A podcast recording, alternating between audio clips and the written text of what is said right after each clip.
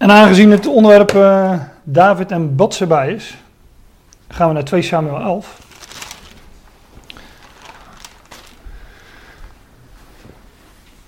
Het is een best wel uh,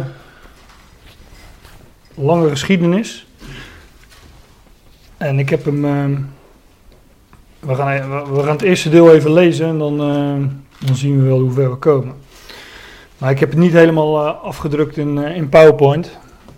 Um, het nadeel daarvan is dat je niet mee kan lezen op, uh, op het scherm.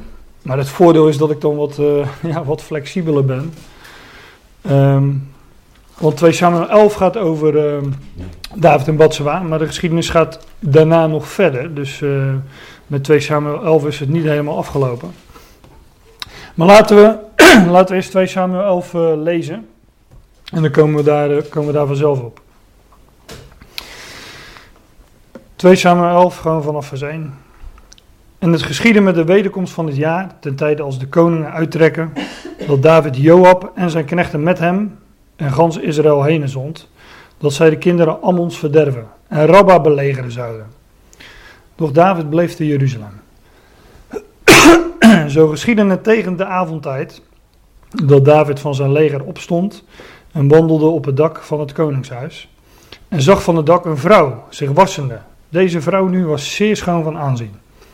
En David zond heen en ondervraagde naar deze vrouw. En men zeide, is dat niet Batseba, de dochter van Eliam, de huisvrouw van Uria de Hethiet? Toen zond David bode heen en liet haar halen. En als zij tot hem ingekomen was, lag hij bij haar. Zij nu had zich van haar onreinigheid gezuiverd. Daarna keerde zij weder naar haar huis. En die vrouw werd zwanger, zo zond zij heen en liet David weten en zeide, ik ben zwanger geworden. Toen zond David tot Joab zeggende, zend Uria de Hethiet tot mij. En Joab zond Uria tot David. Als nu Uria tot hem kwam, zo vraagde David naar de welstand van Joab, naar de welstand eh, des volks en naar de welstand des krijgs. En daarna zeide David tot Uria, ga af naar uw huis en was uw voeten. En toen Uria uit des konings huis uitging, volgde hem een gerecht des konings achterna.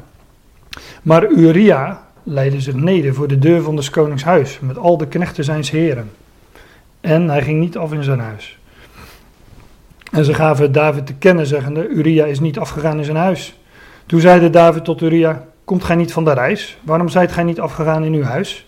En Uria zeide tot David: De ark en Israël en Juda verblijven in de tenten. En mijn heer Joab. En de knechten mijns heren zijn gelegerd op het open veld. En zou ik in mijn huis gaan om te eten en te drinken en bij mijn huisvrouw te liggen? Zo waarachtig als gij leeft en uw ziel leeft, indien ik deze zaak doen zal. Toen zeide David tot Uria, blijf ook heden hier, zo zal ik u morgen afzenden. Alzo bleef Uria te Jeruzalem, die dag en de andere dag. En David nodigde hem, zodat hij voor zijn aangezicht at en dronk, en hij maakte hem dronken. Daarna ging hij in de avond uit om zich neder te leggen op zijn leger, met zijn heren knechten, maar ging niet af in zijn huis. Dus morgens nu geschiedde het, dat David een brief schreef aan Joab, en hij zond die door de hand van Uria.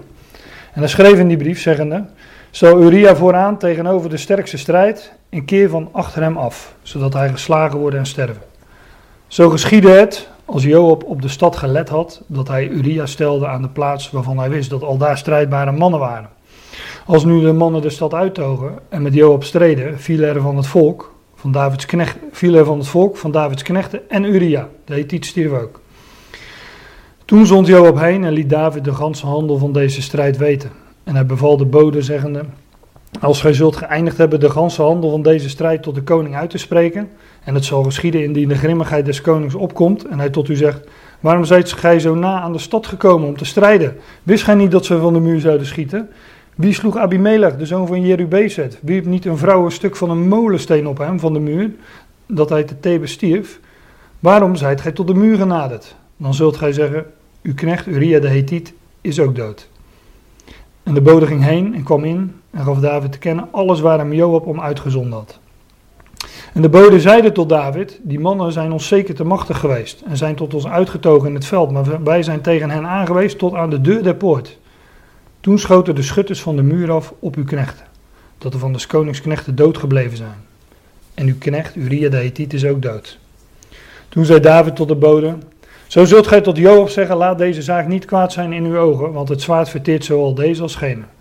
Versterk uw strijd tegen de stad en verstoor ze, versterk hem alzo. Als nu de huisvrouw van Uria hoorde dat haar man Uria dood was, zo droeg zij leed over haar heer. En als de rouw is overgegaan, stond David heen, nam haar in zijn huis en zij werd hem ter vrouw en baarde hem een zoon. Doch deze zaak die David gedaan had, was kwaad in de ogen des heren. Ja, dat is nogal een, uh, een heel verhaal. En ik zei al, daarmee uh, houdt eigenlijk het verhaal niet op. Want het hele volgende hoofdstuk ja, zou je ook nog uh, bij de geschiedenis moeten betrekken. In hoofdstuk 12, het begin van hoofdstuk 12, komt, komt een profeet, de profeet Nathan, tot David. En die houdt hem een, een, gelijkenis voor over een mannetje, een man met een lammetje. Um, en hij zegt, uh, ja, die man, die man die heeft een, uh, een lammetje, is een rijke man. Er is een rijke man en een arme man. Misschien lezen we het straks nog. Maar de rijke man had vele bezittingen en vele lammeren en die arme man had maar één lammetje. En toch toen de rijke man visite kreeg, een bezoeker, toen uh, nam hij het lam van de arme man en hij slachtte dat en gaf dat te eten aan, aan zijn bezoeker. Daar wordt David heel boos om. En die man zou zekerlijk gedood moeten worden. En viervoudig eh, moest hij dat uh, lam teruggeven. Volgens David. En dan zegt Nathan: Jij bent die man. En ehm, op zich is dat ook een, uh, een, een, gecompliceerde gelijkenis. Want de enige gelijkenis is volgens mij, als je die geschiedenis in elkaar wil schuiven, ik ga er even vanuit dat jullie het verhaal kennen is dat inderdaad dat David die man is. Maar ja, wie is dan. Uh, David is dan die rijke man, maar wie is dan die arme man? Dat zou dan in de geschiedenis Uria moeten zijn. Maar ja, we lezen niet van die arme man in, dat, uh, in die geschiedenis met dat uh, lammetje dat hij, dat hij ook sterft, net als Uria.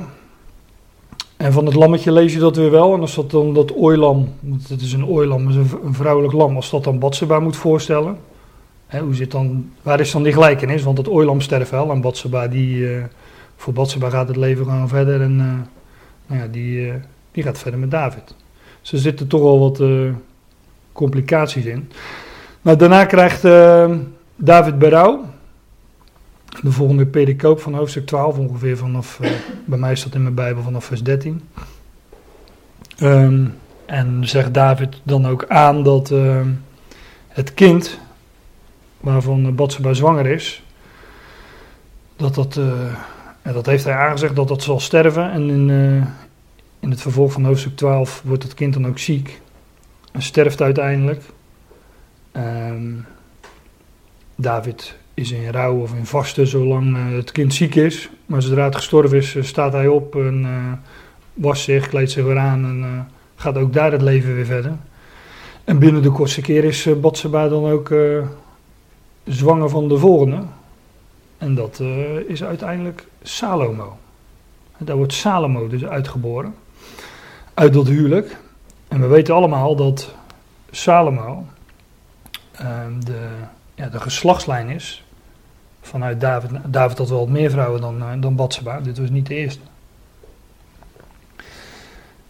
Maar we weten allemaal dat uit die geslachtslijn van David, uh, en Batseba, Salomo voorkwam en dat dat de geslachtslijn is waar later de Messias uit voortgekomen is. Die lijn vinden we ook in, uh, in Matthäus 1, waar het geslachtsregister van, uh, van Jezus Christus wordt vermeld, vinden we die ook terug. Daar wordt overigens nog gezegd, ehm, dat had ik ergens aangetekend. Isaïe gewon David, David gewon Salomo, bij degene die Urias huisvrouw geweest was. Zo staat het in het geslachtsregister van de Heer Jezus. Ja, je zou bijna denken dat het de bedoeling heeft moeten zijn. Hè? Bijna. Nou, of helemaal, maar eh, dat is een beetje. Om dat nu meteen te concluderen aan het begin van de Bijbelstudie, dat kunnen we wel beter achteraf concluderen. Maar um, ja, het is, een, uh, het is een heel verhaal ik vind het ook een. Uh, persoonlijk vind ik het een heel mooi, uh, mooi verhaal. Ik Ik snap wel dat het voor uh, Uria niet zo mooi is afgelopen. Alleen ja, ik, uh, ik heb maar weinig goede films en boeken waarin alles goed afloopt. Want dan is het uiteindelijk dan is het meestal geen goed boek. Hè? Er moet toch wat ellende gebeuren voor we van een, een happy end kunnen spreken. Een goed einde. Nou ja, de, dat is ook een beetje het probleem wat wij vaak met deze geschiedenissen hebben. Um, er komt allerlei uh, ethiek bij kijken. Maar ik geloof natuurlijk. Uh, natuurlijk kun je hier ook ethische lessen uit, uh, uittrekken. Maar ja, um, dat je niet een andere vrouw af moet pakken. En zeker daar de man nog niet nog bij te dood brengen. Ja, daar heb je deze geschiedenis volgens mij ook niet bij nodig. Om je dat te beseffen. Dus er zit wel wat meer achter dit, uh, achter dit verhaal. Maar daarvoor is het uh, vaak wel handig als we de, de, de ethiek een beetje proberen los te laten. Dat lukt niet altijd natuurlijk, maar uh, voor zover we dat kunnen, moeten we dat denk ik, denk ik doen. En over de ethische kwesties wil ik het ook best een keer hebben, maar dat doen we dan een andere keer. Ik wil van, vanochtend vooral wijzen op de typologische betekenis van, van deze geschiedenis. Want die heeft het wel degelijk. Het vertelt iets over het plan van God. Dat hij in Christus, uh, in Christus uitvoert. Ja, de vraag is altijd: hoe ga je zo'n geschiedenis bespreken? Dat is altijd een beetje lastig. En ik vind het makkelijkste altijd maar gewoon vers voor vers. Dat is ook de meest logische. Alleen soms is het makkelijker om uh, ja, bijvoorbeeld eerst de personages uh, te schilderen. En te zeggen waar, waar, eh, waar ik dan denk waar die een beeld van zijn. Maar wat, ik ga het vers voor vers doen. Um, wat ik wel even wil doen is van tevoren een samenvatting geven. Waar, wat ik denk, uh, maar dat hoop ik straks wat meer, uh, wat meer de bewijzen bij te geven. Wat, wat ik denk waar deze geschiedenis van spreekt. Nou, ik geloof dat David een, uh, een beeld is van God. of van Christus. Maar Christus is het beeld van God. dus, want God is de onzienlijke en waar, wij, waar God zich zichtbaar maakt, toont hij zich in zijn zoon. En Christus is het beeld van God. Batseba is een beeld van deze schepping, of, of van Israël. Allebei dus. Alleen dat maakt het met typologie vaak wat lastig. Hè? Wij zijn uh, westerse mensen, tenminste dat, dat heb ik zelf. En uh, wellicht hebben jullie dat ook. Wij leven in een computertijdwerk en iets is een plus of een min. En zo denken wij vaak. Uh, alleen in de Bijbelse typologie zitten gewoon vaak meerdere lagen. En op zich is dat.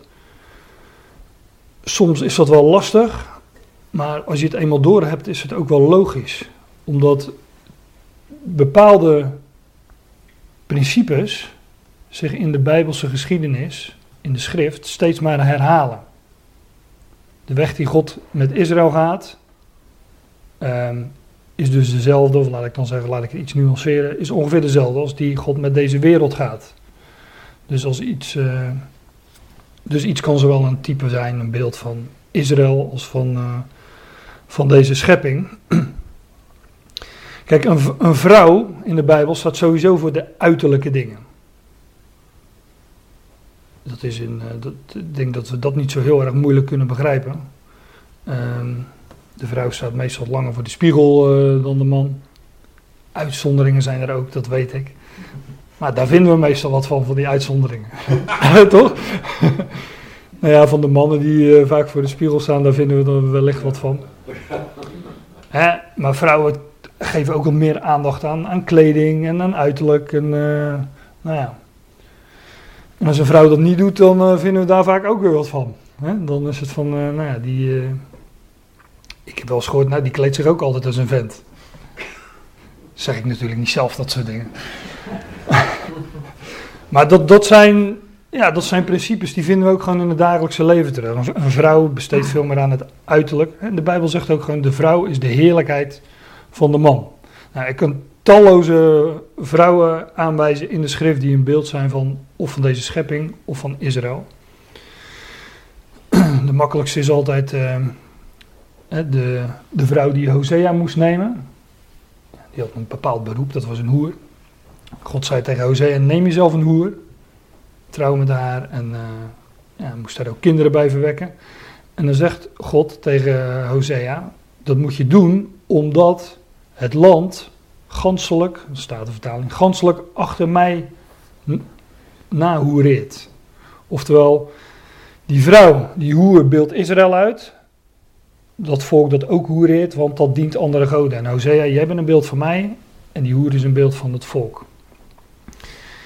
Hosea 1 is het. ja, over uh, bijvoorbeeld Naomi en Rut, daar zou je ook heel uh, makkelijk van uh, kunnen laten zien dat het een beeld is van Israël. In Romeinen 1, ik geef hier ook studies over de Romeinenbrief, waar, waar de meeste van jullie regelmatig aanwezig zijn. Allemaal wel eens in ieder geval, geloof ik. Ja. Maar in Romeinen 1 wordt ook, een, wordt ook geschilderd dat de schepping het vrouwelijke is ten opzichte van de schepper. Dus daar is de schepping, daar is de schepping zeg maar de vrouw. Nou, en een smalle verband is dat Israël. Batseba betekent dochter van de zeven. En als, de, als, de, als, de, Batseba een beeld van deze schepping, ja, wat is dan die zeven? Dochter van de zeven. Ja, een volheid inderdaad. De, de 7000 jaar waarin God deze schepping uh, tot stand brengt. Maar ik denk ook bijvoorbeeld aan de, de zeven dagen van Genesis, waarin God zijn scheppingsplan aan, aan Adam uh, ja, vertelt. Maar um, de dochter van de zeven, uh, de, de, dat Seba, heeft ook weer met Sabbat te maken, hè, de zeven. Het volk Israël is de, een dochter. Een dochter is een, uh, is een vrouwelijke zoon. Een dochter is een erfgenaam. Zij zijn, zij zijn de erfgenaam van die Sabbat. Van, die zevende, van dat zevende millennium, om het zo te zeggen. Um, Bad, Seba, wordt ook al vertaald met uh, huis van de zeven. Kennen we ook, hè? Beet, de bed, Betel, Bad, Bad, Bad Seba. Het huis van de zeven, ja, dat is natuurlijk. Uh, dan, dan, denk ik helemaal aan de schepping als het gaat om die woorden in, in, Genesis, uh, in Genesis 1. Eén keer wordt Batseba in 1 Kroniek uh, 3 vers 5 wordt ze Bad Sua genoemd. Dus Bad met een T en dan uh, streepje geloof ik of een spatie en dan Sua, S-U-A. In het boekje staat dat, dat dat zoiets betekent als dochter van rijkdom, maar dat het niet helemaal zeker is. Ik denk bij Shua, denk ik overigens ook aan uh, Yeshua. Yeshua betekent Jehovah of Yahweh, is redding. Hè? De naam van Jezus, Joshua, Yeshua. Dus dochter van redding zou het dan zijn, maar ik heb uh, niet genoeg kennis van Hebreeuws om, uh, ja, om, uh, om te bepalen wat nu, de, wat nu juist is. Maar Batsua betekent dus ook dochter van Sua. En um, ik weet niet of jullie, ja, die geschiedenis kennen de meeste van jullie ook wel. In Genesis 38, daar trouwt Juda met een dochter van Sua. Dat, dat staat in de e-, eerste of tweede vers van, uh, van Genesis 38. Juda trouwt dan met een dochter van Sua. Daar komen drie zonen uit voor. Er, Onan en Sela. Juda zoekt een vrouw voor Er. Uh, er sterft, dan treedt het zwagere huwelijk in werking. Ik ga er even vanuit dat jullie allemaal weten wat het is. Krijgt Onan, die vrouw, die krijgt Tamar. Tamar heet ze. en Onan sterft ook, om de een of andere reden. Um, dan denkt Tamar, ja, maar dan moet ik Sela krijgen. Alleen, Sela is nog jong. Die is nog te klein om te trouwen. Um, Um, Juda denkt, ja, die vrouw is uh, bad nieuws. Die slecht nieuws, die, uh, die ga ik mijn derde zoon niet geven, want dan uh, legt hij ook het loodje. Um, dus vervolgens ziet Tamar dat Sela groot is geworden. En ze, hij haar niet te mannes, als man is gegeven. En dus gaat zij zelf haar zaakjes regelen, verkleedt zich als hoer en uh, verwekt nageslacht bij Juda. En daar komen dus uh, kinderen uit voort, die, uh, ja, wat, wat ook spreekt van het verlossingsplan van God in Christus. Hoe God in Christus deze wereld zou verlossen. En het spreekt ook nog van de gemeente. Maar het is wel grappig dat je van de ene geschiedenis die wij nogal onethisch vinden in een andere terechtkomt die minstens zo, uh, zo onethisch uh, is. Daar vinden dus ook die dochter van Sua terug. Met David en Batseba, ik geloof dat, het, uh, dat David die Batseba tot zich neemt, een type is van hoe God in Christus naar deze wereld, of naar Israël, uh, omzag en haar tot zich nam. Maar Israël, ik, ik ga die, dat Israël en deze schepping, dat ga ik wel door elkaar gebruiken. Um, ontkom je niet echt aan. Maar anders zou ik eerst de ene lijn helemaal uiteen moeten zetten, vervolgens de andere. Um, dan gebruik ik, het, uh, gebruik ik het liever door elkaar. En het ene is ook wat meer van toepassing op Israël dan op, uh, dan op de schepping. Maar David en Batseba is een type van hoe God in Christus naar deze wereld omzag. Of naar Israël omzag en haar tot zich nam. Maar Israël was gebonden. Israël was gebonden onder een verbond, namelijk het oude verbond. Wat, een huwelijksverbond, wat ook geschilderd wordt in het Oude Testament als een huwelijksverbond. Waar Israël ook van verlost moest worden. En Uria dan? Ja, Uria betekent Yahweh is licht. En uh, het oude verbond wordt ook licht genoemd. Tot in het Nieuwe Testament toe. 2 Korinthe 3. Wordt het ook heerlijkheid genoemd. Maar, zegt Paulus, de nieuwe verbond ja, heeft een uh, alles overtreffende heerlijkheid. Um, wij kennen bijvoorbeeld uitspraken in het Oude Testament. Uw woord is een lamp voor mijn voet en een licht op mijn pad. Dus uh, nou ja, lees Psalm 119 uh, vandaag even wilde ik zeggen. Maar lees Psalm 119. Daarin zie je telkens terugkomen dat dat, dat oude verbond dat het licht is. Batseba moest ontbonden worden om David toe te behoren. Uh, die Uria, ja, we hebben het net gelezen. Die, uh, die is trouw aan Joab. Ja, dat maakt het wat lastig, want die Joab, zijn naam betekent Yahweh is zijn vader. Joab, Yahweh is zijn vader. Kijk, eigenlijk kun je zeggen dat en David en Uria en Joab allemaal een type zijn op een bepaalde manier van God. Van Jehovah of van Jehovah of hoe je het ook wilt zeggen. Want dat kun je van Uria zeggen, hè? de Heer van de wet. De God van de wet, de Heer van de wet. Uh, dat kun je natuurlijk van, uh, van David zeggen, nou, dat gaf ik net al even aan. Maar van Joab, ja, Jahweh is zijn vader. Dus hij is ook een beeld van, of van, van God of van, uh, van Christus. Uria, geloof ik, is echt een type van, van het oude verbond, van de wet. Want waar de Heer sterft, de Heer van het oude verbond. Waar de Heer sterft, daar eindigt ook het oude verbond. En je kunt wel, ik weet wel, God, God is niet gestorven, maar we, vinden, we vinden toch echt in de schrift dat um, bijvoorbeeld in Romeinen 7, ja, dat er een einde aan de wet kwam door de dood van de Heer. En dat ook die Heer van het oude verbond uh, daar is gestorven.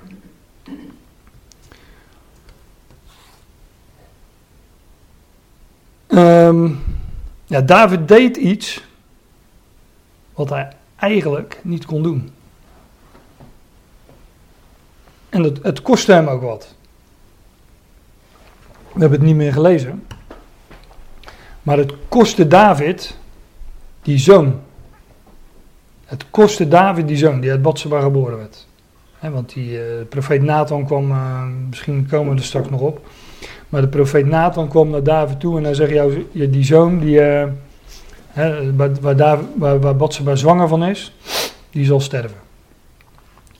David is een beeld van God die omzag naar deze wereld in Christus. Deze wereld verloste. Israël verloste van het oude verbond. Deze wereld daarvan kun je zeggen, is die, die is toch niet onder de wet? Er was toch maar één volk? Ehm, nou, de, de wet, of wet in het algemeen, wordt in de schrift genoemd de eerste beginselen der wereld. Deze wereld is wel degelijk gebonden aan wet. Uh, verkeerswetten, maar ook, ook gewoon wetmatigheden, bepaalde wetmatigheden waar deze wereld uh, aan onderworpen is. David deed iets wat hij eigenlijk niet kon doen en dat kostte hem wat, zijn zoon. God, het kostte God ook zijn, zijn zoon om deze wereld tot zich te nemen. Het kostte God ook zijn zoon.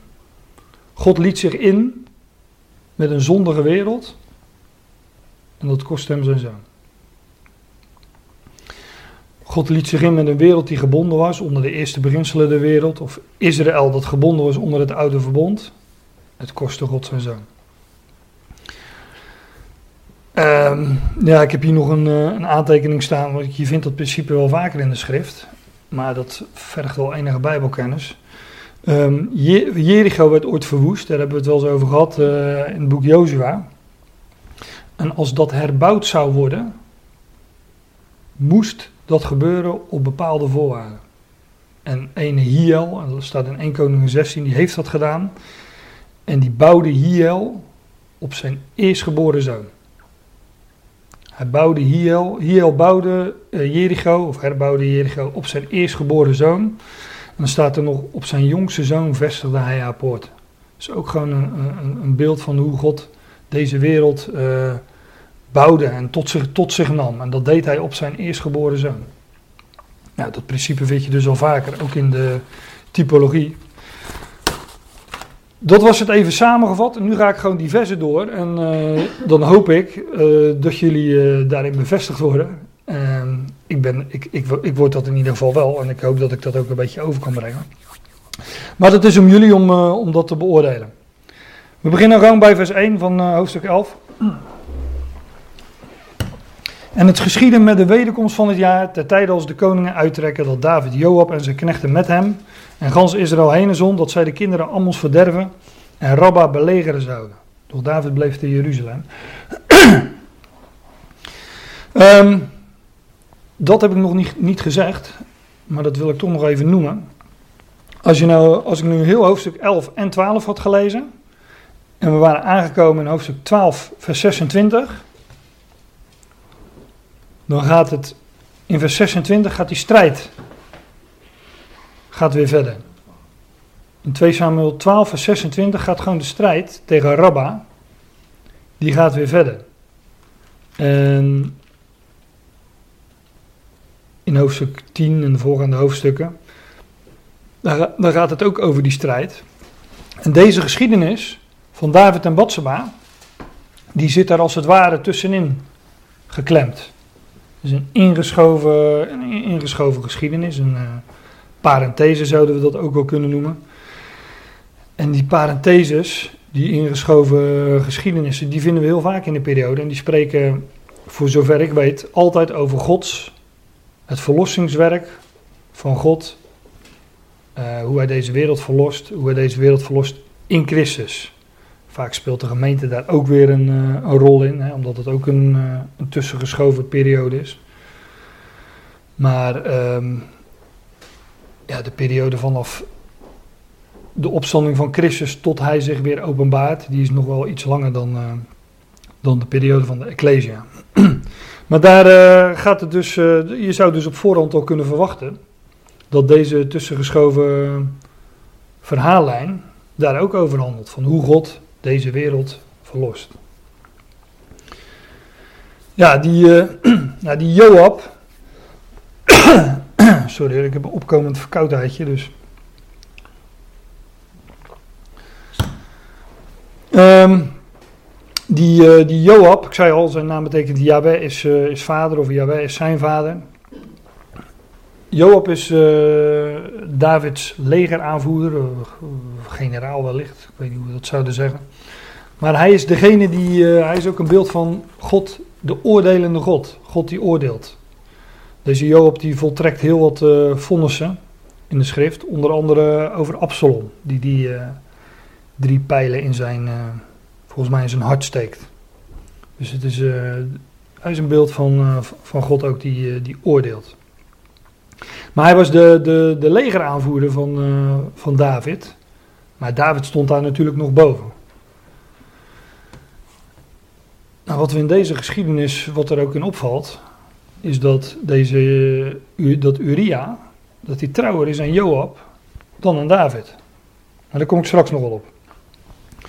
Vers 2, zo geschiedde het tegen de avondtijd dat David van zijn leger opstond en wandelde op het dak van het koningshuis en zag van het dak een vrouw zich wassende. Deze vrouw nu was zeer schoon van aanzien. David stond op uh, van zijn bed en hij wandelde op het, uh, op het dak van zijn huis. Huis is ook weer uh, dat woord bed, bad, badseba, bed. Um, het dak in de Bijbel, dat woord kennen we ook denk ik, is het woord uh, Gog, van Gog en Magog. Die hebben ook iets met het, met het dak te maken. En ook het dak, ik zei al, Uria is een beeld van, uh, van de wet, of van de, de God van de wet. Maar ook het dak heeft, uh, heeft van alles met de wet te maken. Samuel nam Saul mee naar het dak, alvorens hij hem uh, zalfde. Dat lees je twee keer uitdrukkelijk, dat, dat, dat David Saul meenam naar het dak. Nou, dat Saul een beeld is van de wet, dat... Alleen zijn naam zegt het al. Hè? We kennen ook een Saulus. Een ijveraar, eh, een van de wet, die later Paulus werd. Maar toen was hij uitdrukkelijk geen Saulus meer. Maar Saul, koning Saul, is ook een beeld van de wet. Inderdaad, hij zou heersen, maar hij moest verdwijnen. Want er zou een andere, andere koning komen, een andere dynastie. Een andere troon. Namelijk niet de troon der wet, maar de troon der genade. Dat wordt er allemaal in uitgebeeld. We kennen nog een geschiedenis uit het Nieuwe Testament. Ook met een dak. Dat vier vrienden, die een verlamde vriend hadden. Die, uh, dat is Lucas 5. Ik ga het niet allemaal opzoeken. Het zou wel bijzonder interessant zijn om het allemaal op te zoeken. Maar kunnen jullie thuis ook. Vier vrienden gaan met een verlamde man, willen ze tot Jezus komen. Om, uh, om die verlamde vriend van, van hen te genezen. Jezus spreekt daar ergens in een huis. En dan lees je in Lucas 5 dat er allemaal fariseeën en leraars der wet waren.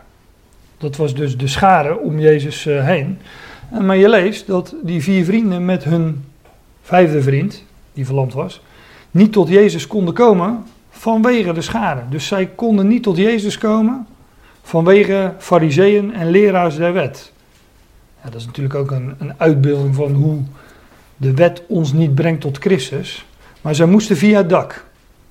En dat deden ze dus ook. Maar op het dak lagen weer tichelstenen. en tichelstenen zijn ook een beeld van de wet. En dat weten we al sinds uh, de slavernij van Israël en Egypte, waar ze tichelstenen moesten bakken. Wat een uitbeelding is van de slavernij onder de wet. Als ze dan die tichelstenen wegdoen, ja, dan gaat de hemel open en, uh, en zien, zij, uh, zien zij Jezus. En laten ze hem zakken en dan wordt hij inderdaad genezen. Lucas 5 vanaf vers 17 is dat. Dus dat, dat dak heeft ook wat, uh, wat met de wet te maken, net als uh, Uria.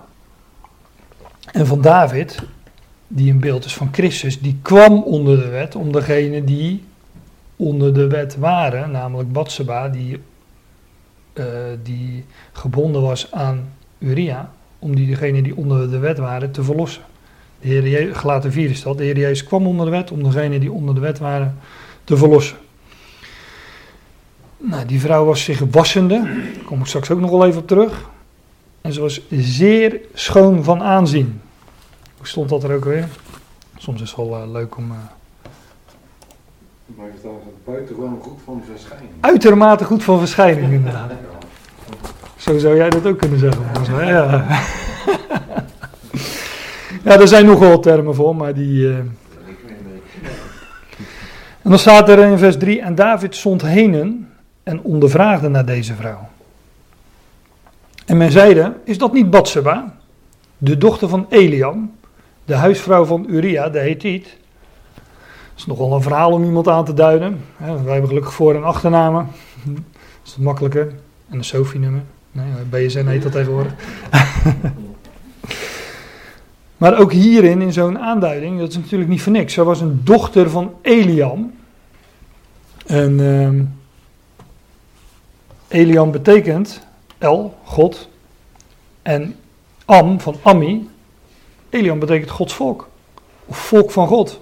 Zij was dus een dochter van eh, het volk van God. Nou, dan is het een beeld van Israël, toch? Als je een dochter bent van het volk van God. Dat is zelfs letterlijk gewoon een, uh, een, een, een, een Joods of een Israëliet, hoe je dat ook wilt zeggen. Uria, ik zei al, zijn naam betekent uh, Yahweh is licht. Uh, die naam heeft ook nog wat met, uh, met Aaron te maken. Dat hoor je in het Nederlands niet helemaal terug. Maar ja, die namen hebben overeenkomst. Ja, Uria, licht. Aaron betekent zoiets als lichtbrenger. En Aaron was de hoge priester van het oude verbond. Dus ook een uh, Uria, een beeld van de wet, het oude verbond. Weliswaar licht. Um, dat betekent, uh, dat is uh, iemand die afkomstig is van Geet. Dat is eigenlijk het uh, Hebreeuwse woord, CH.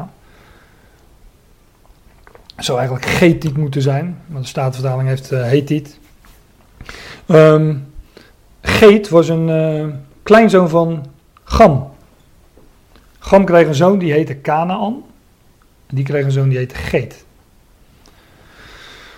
Nou, we weten allemaal dat Gams nageslacht werd vervloekt. He, iets met, uh, met zijn vader Noach in een tent. Die was, die was dronken. Ook geen heel ethisch verhaal. Nee, ook geen ethisch verhaal inderdaad. Maar uh, ja, da daardoor werd Gams nageslacht werd vervloekt. Nou, we zien hier iemand uit Gams nagesla nageslacht, die een beeld is van de wet. En uh, het staat ook in het Nieuwe Testament dat Christus ons verlost van de vloek van de wet. Dus ja, dat plaatje wordt hier alleen maar uh, verder ingekleurd. Want vervloekt is in ieder die aan het hout hangt, nou, enzovoorts. Christus is geworden, gelaten 3 vers 13. Christus verlost ons van de vloek van de wet. Ja, die Hethieten, of Getieten, die vind je eigenlijk alleen maar terug in de opsommingen van de Canaanitische volkeren. Ik heb een concordantie erbij gepakt en uh, heb ik dat woord eens opgezocht. Maar dat zijn telkens zie je, ja, en de, volgens mij waren er zeven Canaanitische volkeren. En daar behoorden die Hethieten toe. En je vindt ze dus telk, je vindt ze eigenlijk alleen maar terug in opsommingen van Canaanitische volkeren. Dat God zegt, ik... Uh, verdrijf die volkeren, uh, nou ja, enzovoorts. Maar er zijn dus uiteindelijk in Canaan zeven volkeren overgebleven. Waaronder de Hethieten en uh, de Ferizieten en uh, nou ja, verder kom ik al niet meer. De Jebusieten, ja. ja, ja. Dat was weer de, de naam van het vroegere Jeruzalem, Jebus. Er is één uitzondering waar de Hethieten in voorkomen. Weet jullie dat? Dat het niet een opsomming is van volken, maar dat er echt specifiek iets mee aan de hand is. Het is in Genesis, waar Abraham een graf kocht van een Efron of Efron. En dat was een Hethiet, staat daarbij. En die Hethieten, die hebben dus wat met, met het graf te maken. Met de dood dus. Ja, de wet is een bediening des doods. En de, de wet leidt tot de dood. De wet veroordeelt de zondaar tot de dood.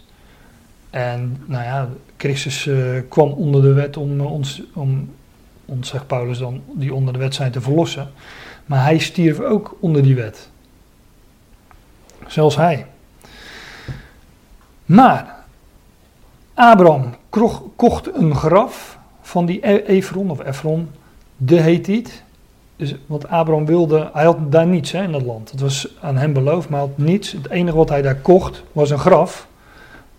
Want hij zag op wat God hem beloofd had. En hij zag op, ook op de opstanding van de doden. En uh, hij wist dat God hem op zou wekken. En uh, dus het was een uitbeelding van zijn geloof dat hij daar een graf kocht.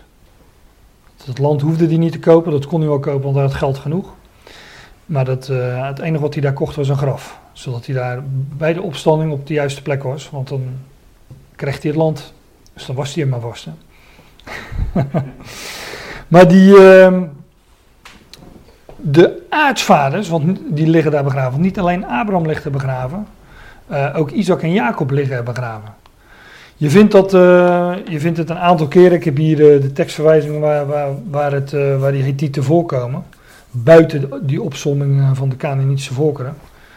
Genesis 23, 25 en 49 en nog een keer in 50. Maar hier staat dus, daarna gebood hij hun, dat is Jacob, de laatste van, de, van die drie, Abraham, Isaac, Jacob. Ik word met mijn volk verenigd, begraaf mij dan bij mijn vaderen, bij Abraham en Isaac dus, in de grot die op de akker van Efron de Hethiet ligt. In de grot die op de akker van Machpela ligt, dat tegenover Mamre ligt, in het land Canaan. En die Abraham samen met die akker gekocht heeft van Efron de Hethiet als eigen graf. Daarna hebben ze Abraham begraven, daar hebben ze Abraham begraven en Sarah zijn vrouw, daar hebben ze Isaac begraven en Rebecca zijn vrouw en daar heb ik Lea begraven. De akker en de grot die daarop ligt zijn gekocht van de Hethieten. Dus zie hoe die nadruk daar ligt op, uh, op die Hethieten elke keer. Dat het maar duidelijk is dat, uh, dat het graf gekocht is van, uh, van Hethieten. Nou, dat is ook echt het enige ongeveer wat we verder in de schrift vinden over die Hethieten. En Uria was dus, want daar gaat het om, Uria was een Hethiet. De dochter van Eliam, de huisvrouw van Uria de Hethiet. Dus Uria, is een beeld van, uh, van, van de wet. Hij was een Hethiet, dat heeft iets te maken met de dood. Nou, de wet is een bediening des doods in deze geschiedenis vindt uh, Uria dan uh, niet geheel toevallig ook de dood. Hij sterft ook. Maar in die wet, in de wet ligt toch de belofte opgesloten. Want de aartsvaders liggen begraven in, in het graf van die Hethieten. Die Hethieten hebben dus van alles met de dood te maken, want ze hebben een graf. Ja, maar wie liggen daar begraven? De aartsvaders. Hen aan wie beloften waren gedaan. Dus ja, opstanding. Maar ook in die wet, waar Uria een beeld van is, waar de Hethieten iets mee te maken hebben, ook in die wet ligt de belofte dus al besloten. je kunt het natuurlijk lezen als een, uh, als een overzicht van, van, uh, van regels en uh, normen, maar ook in die wet, daarin ligt de, de belofte al besloten. Nou, dat doen we ook deze ochtend. We kijken wat dieper dan, dan wat zich aan de oppervlakte aandient. We kijken onder de oppervlakte. En we zien dat daar de belofte al in besloten ligt. Ja, dat is ook nogal mooi. Laat ik dat dan, uh, daar had ik ook een diertje van, mening, meen ik. Hetiet, schrijf je zo in het Hebreeuws. De. Daar zit deze letter in, dat is de taf. Nu moet je weten dat uh, een letter in, het, in de Hebreeuwse taal, die heeft een getalswaarde, maar die letter heeft ook een betekenis. We hadden het net over de B, de beet. We weten allemaal dat bed, bedtel, dat dat huis betekent. Bed betekent huis. Nou, dit is de Hebreeuwse letter taf. En de taf is het kruis. En die heet zei ik al, die heeft alles met een graf te maken, met de dood. Maar als je nou die uh, taf uit dat woord hetiet haalt, dan krijg je het woord Gaim. Leven. Dus als je het kruis uit de hetiet haalt, dan, uh, dan ontstaat daar leven. Dus in dat woord ligt het, ligt het leven al besloten, ook in dat woord hetiet. Zoals in de wet ook het leven besloten ligt. Verborgen weliswaar, je moet er uh, je best voor doen om het, uh, om het eruit te halen. Maar zo liggen in al die geschiedenissen, die wellicht onethisch zijn, want daar hebben we het ook over, of die bloederig zijn hè, als het gaat om de, de, de wet, wet, wetbepalingen in het Oude Testament. Ja, maar de belofte van leven ligt daarin besloten. We gaan verder naar vers 4. We hebben nog een paar versen te gaan. Toen zond David bode heen en liet haar halen. Batseba dus. Als zij tot hem ingekomen was, lag hij bij haar. Zij nu had zich van haar onreinheid of onreinigheid gezuiverd. Daarna keerde zij weder naar huis. Ik zei al dat, dat ze zich aan het wassen was, daar kom ik nog wel even op terug. Nou, dat doe ik hier dus. Want zij waste zich blijkbaar om haar om zich van haar onreinheid te zuiveren. De, de, de commentaren zeggen dan dat ze waarschijnlijk uh, ongesteld was. Dat zal ook wel. Um, er zijn nog een paar andere opties. Kan. Kan Nee, maar dat is een beetje, dat, dat is een beetje de vraag. Kijk hoe het hier staat. Um, dat is nogal lastig. Ik, ik, weet ook niet goed genoeg hoe het zit met, met Hebreeuws. Kijk, in de, in de Statenvertaling staat het zo vertaald. Als zij nu tot hem ingekomen was, lag hij bij haar. Zij nu had zich van haar onreinheid gezuiverd. Oftewel, dat was die onreinheid had ze inmiddels achter zich gelaten. En um, ja, dus, dus dan was ze niet meer uh, onrein, zeg maar, om dat woord er maar te gebruiken. Hier um, in de, in de interlineair zie je dat hè, David zijn boodschappers en hij neemt haar tot zich en zij komt tot hem en hij, en hij ligt met haar en zij heiligen dus zichzelf vanaf onreinheid van haar en zij keert terug tot huis van haar. Hier zou je net zo goed kunnen vertalen, als ik het zo lees, dat zij werd gereinigd doordat zij met David lag, bij wijze van spreken. Zo, staat het hier, echt een opsomming. David stond boodschappers, hij neemt er bij haar, zij komt tot hem, hij ligt met haar, zij heiligt zichzelf van, van, van haar onreinheid en ze keert terug tot huis van haar. Of dat ze bij hem gelegen heeft terwijl ze nog onrein was. Maar ja, dat, uh, dat vinden wij natuurlijk ook onethisch. dus dat, dat, de, ja, ik weet niet hoe je dit precies zou moeten vertalen. Maar in ieder geval zeggen de, de meeste commentatoren van uh, ze zal ongesteld geweest zijn. Nu zijn er nog een paar opties. Um, volgens mij als je een, uh, zojuist een kind hebt gebaard, dan ben je ook een periode onrein. Nou, dat lijkt me hier niet aan de hand. Um, voor de typologie zeg ik van als het gaat om de typologie, maar dan. Uh, het staat natuurlijk niet letterlijk in de tekst. Als het gaat om de typologie, was dit een onvruchtbaar huwelijk tussen Batseba en Uria. Want onder de wet komt geen leven tot stand. En ik moet wel zeggen dat zodra zij bij David in de. Ze ze is één nachtje bij hem en ze is wel. Of ze is zwanger. Dat gaat wel, uh, wel heel hard dan. Uh, dus blijkbaar even de juiste, net een vruchtbare periode. De juiste aanzet nodig, ja. Maar er zijn nog wat uh, andere opties, is dat je net een uh, kind gebaard hebt. Of dat ze melaats was, maar ik denk niet dat David daar veel uh, trek in had. dat lijkt me niet. Ik gewoon zeggen van, ze hebben gemeenschap in David gehad. Helemaal foute boel. Daar, daar rijden ze zich van, die onreinheid. Ja, dat zou ook kunnen. Maar, maar ik, is. Ja, dat zou ook nog kunnen. net opgebouwd, uh, onreinheid. En hm? die is er weer terug. Ja, dat staat, dat is, dat is Hebreeuws, dus dat, uh, dat zie je, dat zie je niet. nee, nee, alleen ik. Als je zwanger wordt, kan, kan niet. eh, Ja, kijk, in, eh, in, in, ongesteld was. hm? En dat ze gelijk zwanger werd, dat lijst toch niet dat ze ongesteld wordt. Ja, weet ik niet. Als, ze- als het staat zoals de Statenvertaling het heeft vertaald, hè, zij nu had zich van haar onreinheid gezuiverd, dat dat achter haar lag, ja, dan kan het natuurlijk wel.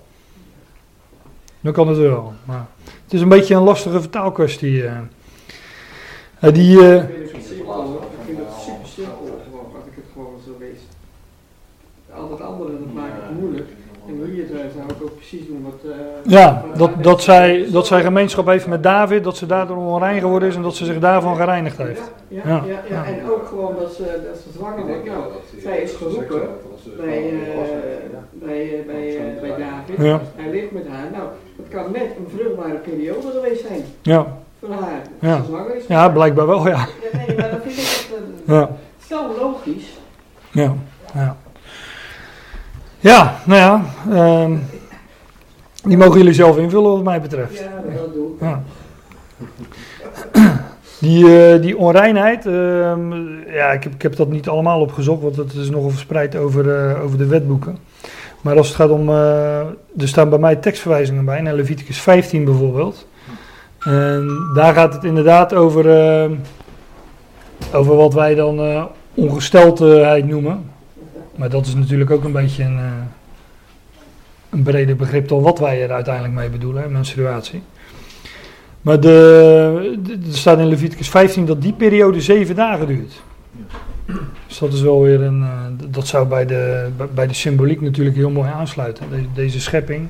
Zeven dagen van onvruchtbaarheid en dan komt er een nieuwe schepping. Nou. Ja. En dan staat er in vers 5: En die vrouw werd zwanger. Zo zond zij heen en liet David weten en zeide: Ik ben zwanger geworden. Toen zond David tot Joab, zeggende: Zend Uria de Hethiet tot mij. En Joab zond Uria tot David. Hier ook weer, hè? Uria de Hethiet. Ligt elke keer de nadruk op. Zo kunnen we wel, meer eh, mensen met een eh, naam of een, eh, een bijvoegsel in de schrift waarvan het dan blijkbaar belangrijk is wat, er, wat erbij staat. Eh Ragab, de hoer. Eh Jozua, de zoon van Noen. Nou, dat wordt telkens herhaald en dat is eh, niet voor niks. Dus Uria de Hethiet. Overigens, nu komt er een deel van, ook weer van het verhaal, waarin wij altijd van alles lezen over motieven van David. Die hebben we natuurlijk allemaal geleerd op, eh, nou, ik, ik, ik, zondagschool. Ik, ik heb op een hele goede zondagschool gezeten, ook op een goede school met een Bijbel. Maar daar hoor je van alles, of in de kinderbijbel, over de motieven van David. Maar je leest daar letterlijk helemaal niets over. Hè? Dat moet je, ja, natuurlijk lees je het wel eh, tussen de regels door. Maar je, je leest daar verder niks over. Toen zond David tot Joab, zeggende, zend Uria de Hethiet tot mij. En Joab zond Uria tot David. Ik zei al, Joab betekent Yahweh is zijn vader. Hij was de legeroverste van David. Beeld, beeld van de God die oordeelt, die dingen rechtzet.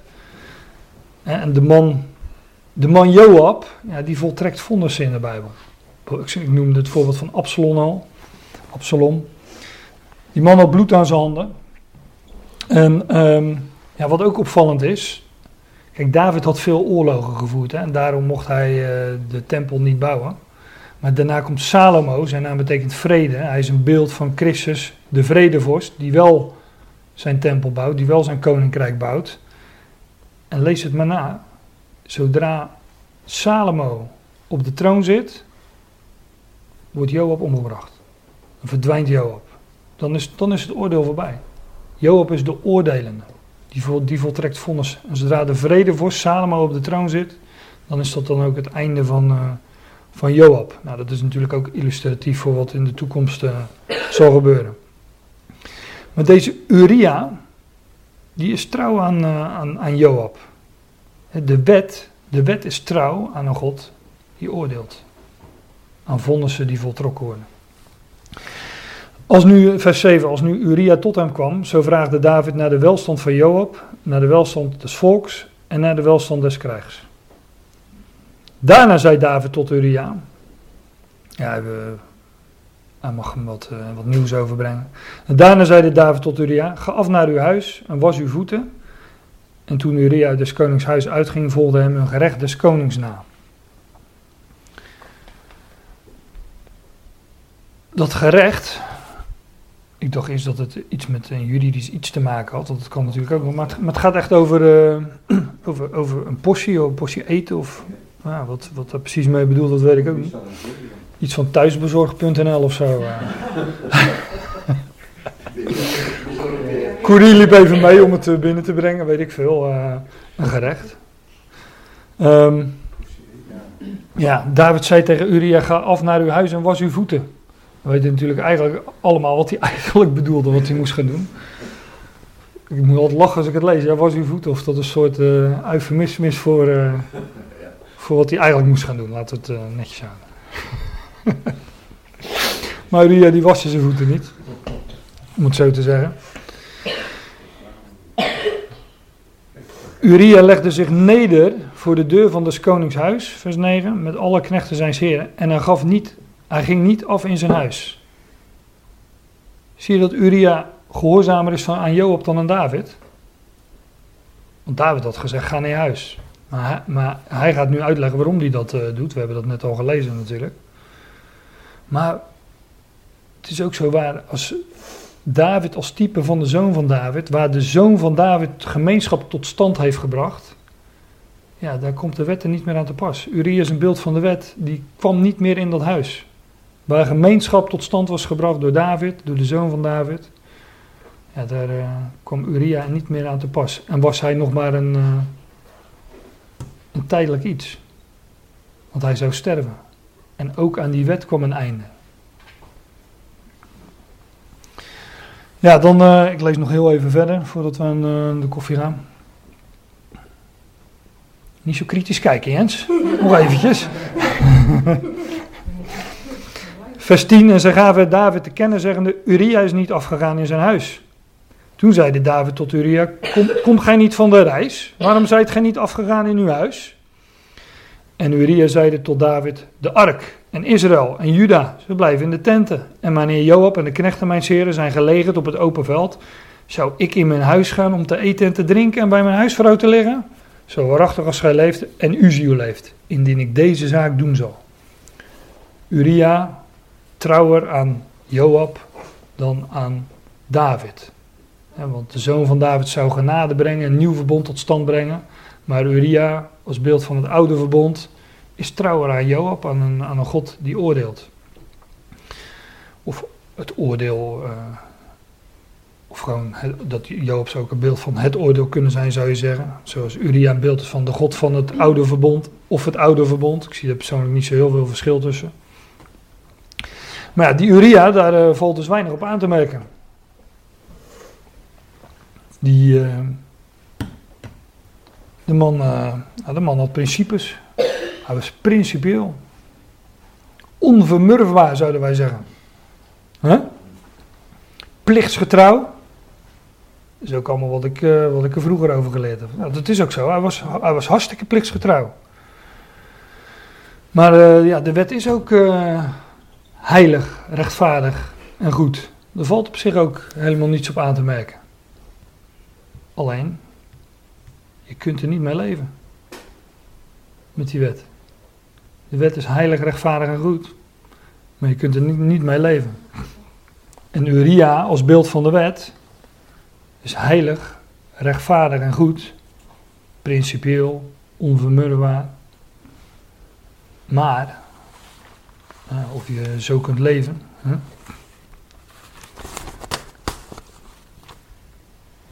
Als we toch ethisch uh, bezig zijn, dat zijn we niet, maar stel je voor dat we dat willen zijn, zeg ik ook altijd, je kunt het ook van de andere kant bekijken.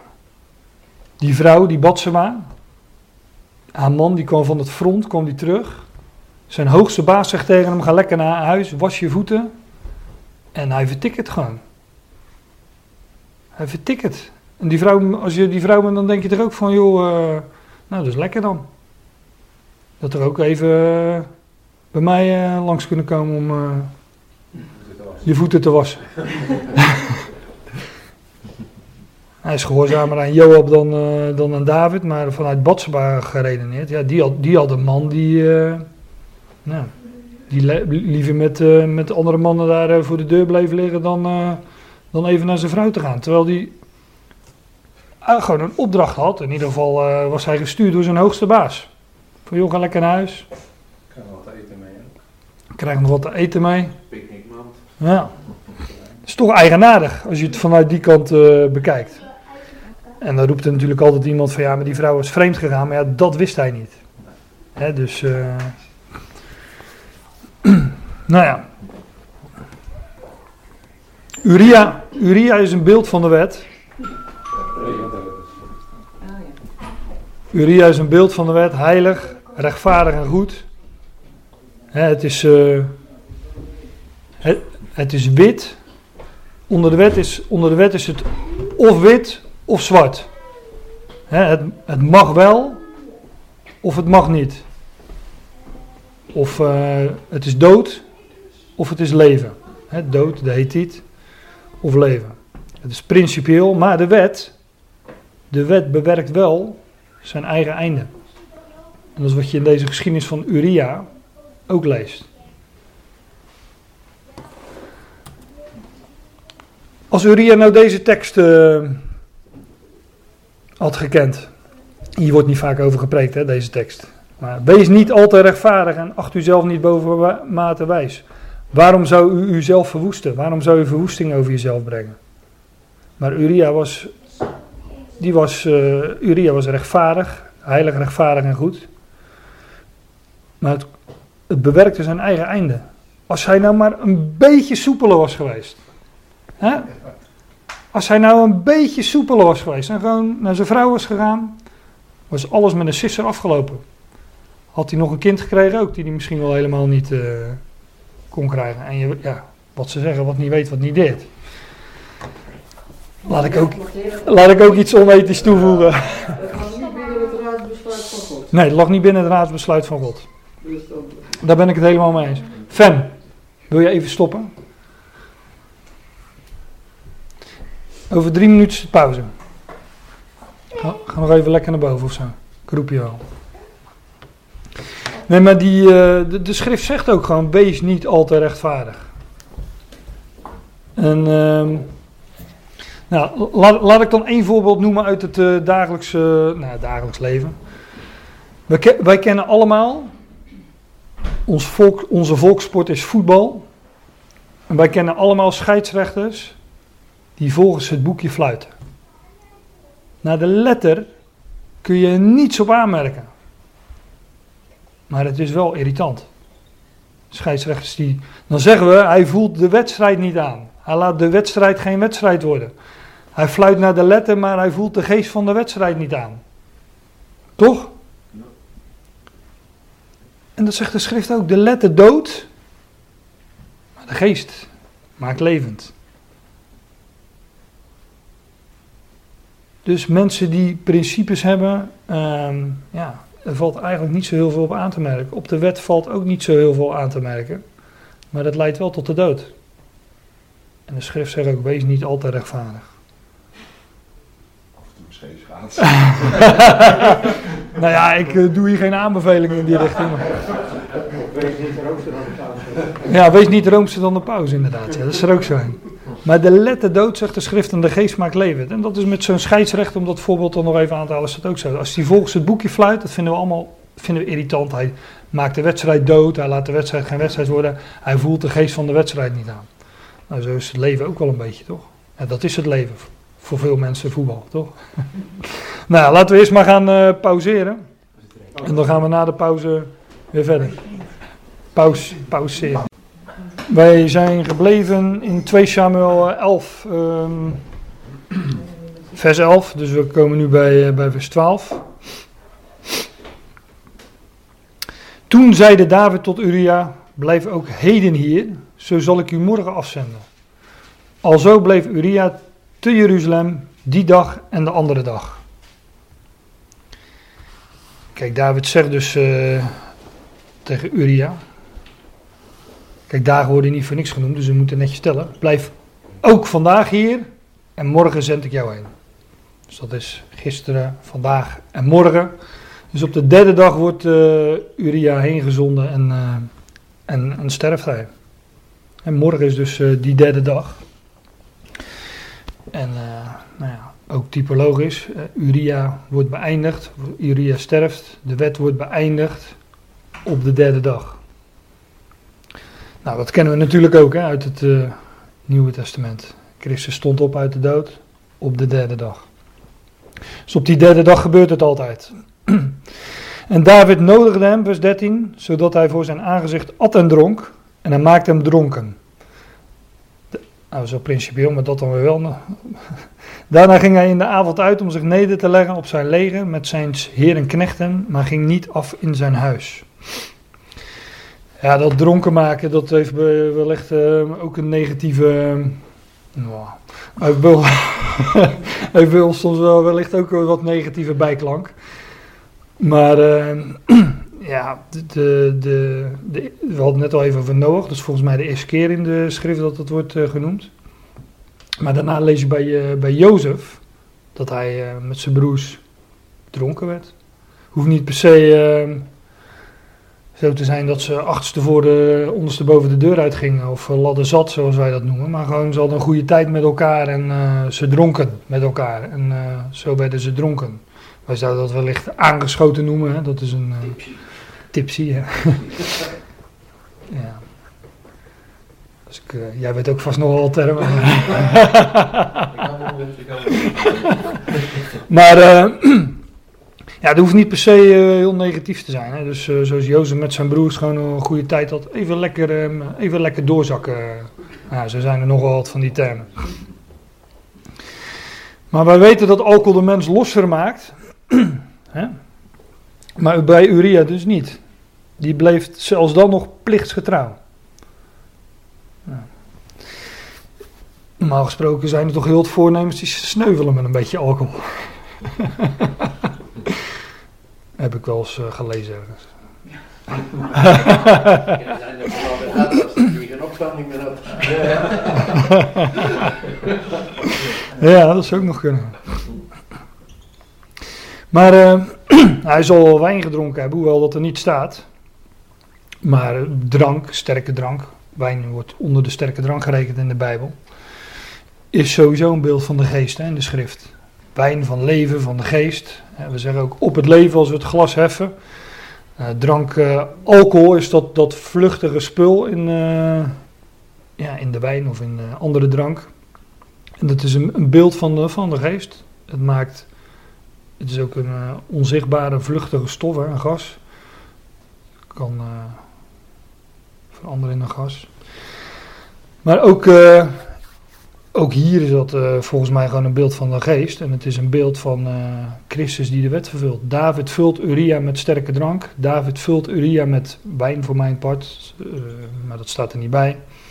Een beeld van Christus die de wet vervult. Hij vult, hij vult de wet met, met geest. Kijk, wij hebben nog steeds die wet, hè. Ehm, alleen wij kennen ook de geestelijke betekenis van de wet, omdat wij Christus kennen. En David is hier een beeld van Christus die de wet, die Uria vult met, met wijn, met drank. En eh, hij vult Uria met geest. David vervult de wet, als beeld van de zoon van David die de wet vervult.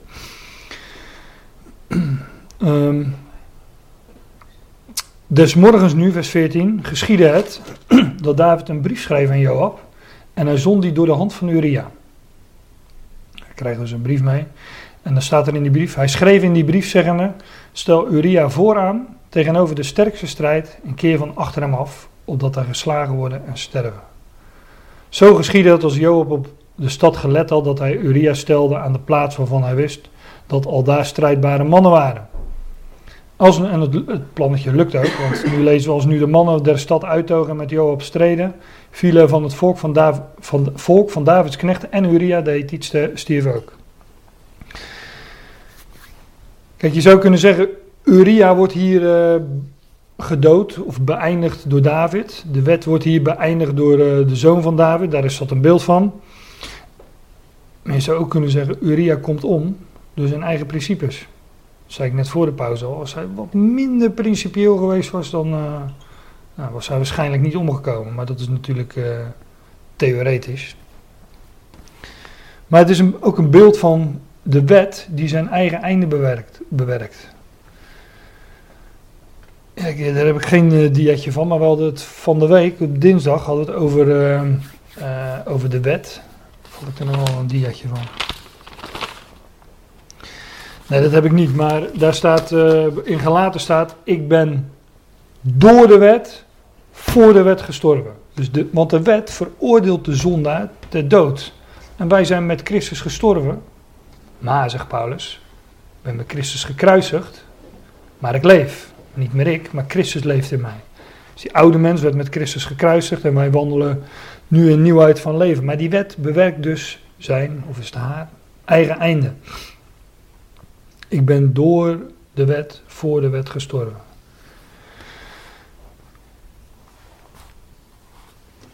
Uria wordt dus eh, ja, beëindigd, zou je kunnen zeggen, door David. Of, of, ja, of door zijn eigen principes. Hij krijgt hier ook een, eh, een doodvonnis mee. Hè? Bij, ja, een, eh, hij krijgt een brief mee, geschreven door eh, David. En in die brief, ja, daar staat eigenlijk zijn eigen doodvonnis in. Dan moet ik denken aan 2 Korinthe 3. Daar gaat het over het oude en het nieuwe verbond. En dan staat er een nieuw verbond, niet van de letter, maar van de geest. Want de letter doodt. Maar de geest maakt levend. En indien de bediening van de dood in letters bestaande enzovoort. Dus die wet, de letter, hier is de, hier is de letter, en uh, ja, lees het gedeelte maar terug. Hier is de, de letter is, uh, is gewoon een synoniem voor, voor de wet. En het nieuwe verbond wordt hier aangeduid met geest. De letter dood, maar de geest maakt levend. Nou, hier krijgt Uria een brief mee die hem inderdaad de dood inbrengt. En uh, die, brief, die brief die hij bij zich heeft, zou je dan ook kunnen bestempelen als een bediening des doods. Zijn eigen doodvonnis dus. Overigens, laat ik daar ook nog op wijzen, in vers 17. Ik geloof dus ook dat die brief overigens ook gewoon een uitbeelding is van de wet, hè, die Uria meekrijgt. Maar in vers 17 staat, ehm, de vielen van het volk, van Davids knechten en Uria. Dus wat David met zijn uh, scheve schaats, met zijn, uh, met zijn daad deed, was hij, zo, hij zondigde, hij zou zo een heel rijtje op kunnen noemen. Hij zondigde tegen, nou, tegen Batseba, tegen Uria, tegen Davids knechten, want er komen hier nog meer mensen om in dat leger. Nou, enzovoort. Je zou de families er nog bij kunnen betrekken. Maar toch zegt David in Psalm 51, tegen u, tegen u alleen heb ik gezondigd. Dat zeg ik even voor degenen die er toen bij waren. En uh, ja, wat ik toen uitgelegd heb, waar ik geloof dat die psalm uh, werkelijk over gaat. Die woorden waren weliswaar van David in een bepaalde, onder bepaalde omstandigheden, maar ze wijzen vooruit. Het zijn eigenlijk woorden van, uh, van Christus. Ik lees gewoon verder in vers 18. Toen zond Joab heen en liet David de ganse handel van deze strijd weten.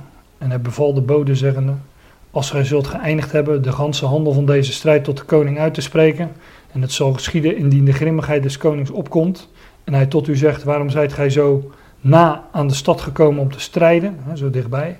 Wist gij niet dat zij van de muur zouden schieten? Zie, nee, wie sloeg Abimelech, de zoon van Jerubezet? Wierp niet een vrouw een stuk van een molensteen op hem van de muur dat hij te Thebe stierf? Waarom zijt gij tot de muur genaderd? Dan zult gij zeggen, uw knecht Uria de Hethiet is ook dood. Ja. Dan wordt er een, uh, een geschiedenis aangehaald.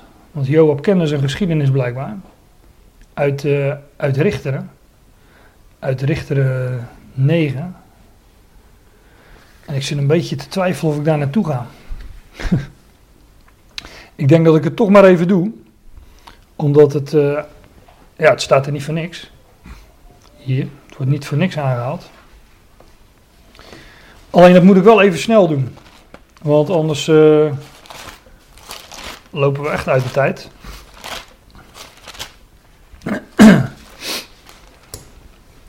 Maar laat ik dat dan, uh, ik doe het kort. Ik zeg daar wat dingen over en ik laat kort wat dingen zien. En ja, lees dat dan achteraf nog eens na of maak, uh, er een notitie van. Want het is op zich, ook dit is weer een tamelijk uitgebreide geschiedenis. En ik lees gewoon even wat dingen eruit en dan, dan zal ik laten, zal ik zeggen waarvan ik denk wat het uitbeeldt. Maar die, die uh, Abimelech staat hier, was de zoon van Jerubezet.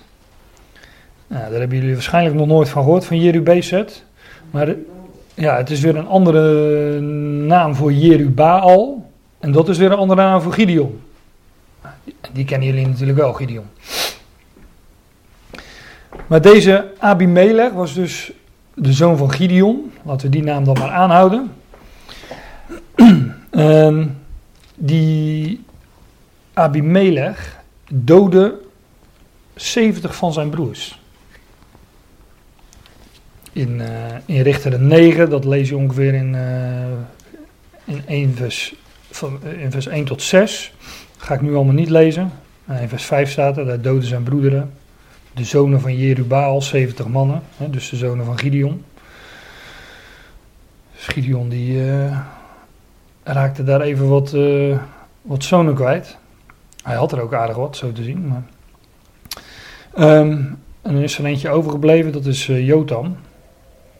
En dan lees ik, ik lees het gewoon even door vanaf vers 7. Ik denk dat uh, een aantal van jullie deze geschiedenis toch ook wel kennen. Want dit is een van de, misschien wel de eerste, dat weet ik niet, maar een van de eerste gelijkenissen in de Bijbel. En dan staat er als zij dit Jotam aanzeiden, in vers 7 van Richter 9. Zo ging hij heen en stond op de hoogte van de berg Gerizim. En hij verhief zijn stem en hij riep en zeide tot hem, Hoort naar mij, burgers van Sichem, en God zal naar u lieden horen. Dan komt de gelijkenis. De bomen gingen eens heen om een koning over zich te zalven. En zij zeiden tot de olijfboom, Wees gij koning over ons.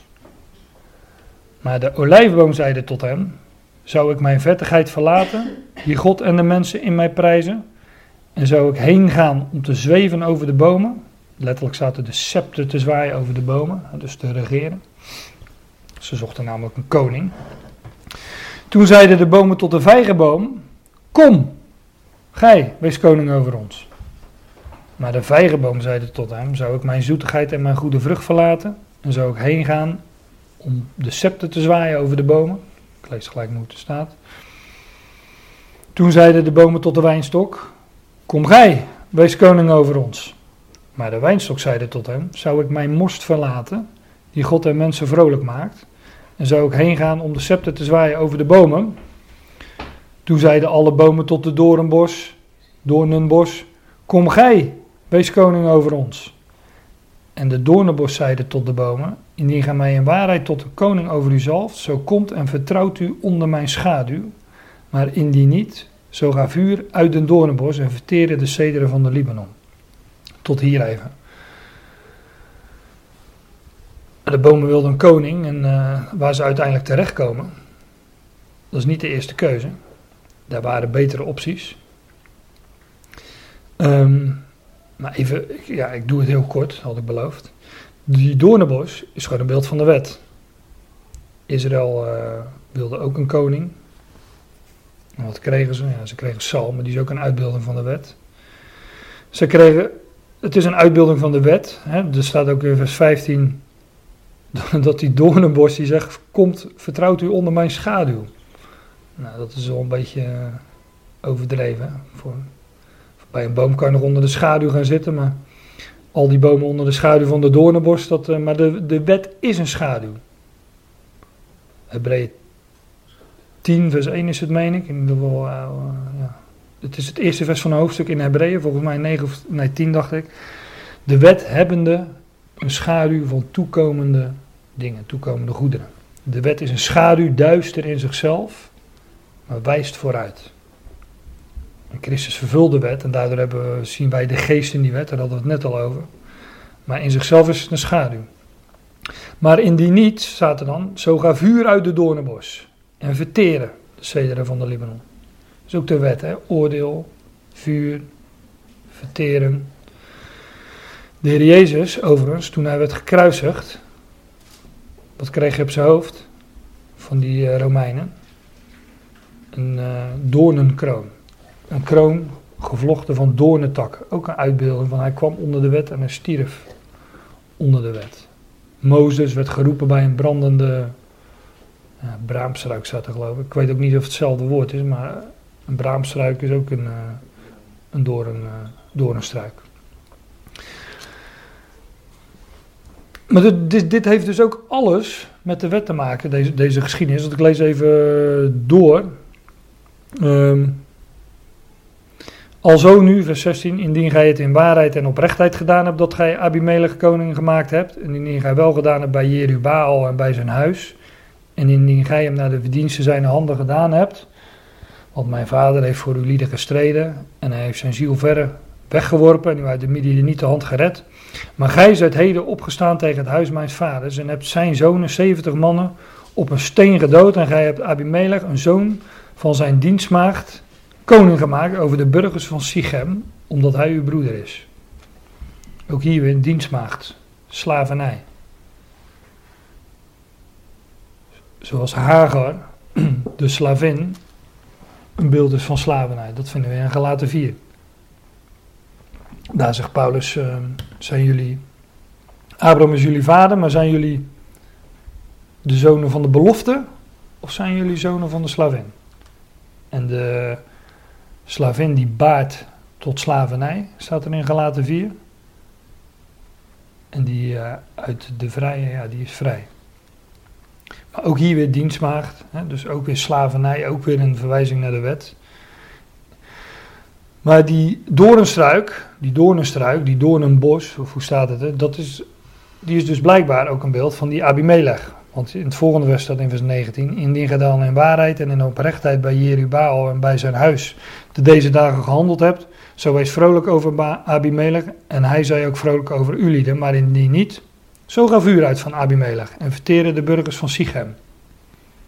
En als je dat, uh, zo ga vuur uit van Abimelech en verteren de burgers van Sichem, als je dat naast vers 15 leest wat we al lazen, indien niet, zo ga vuur uit de doornenbos en verteerde de cederen van Libanon.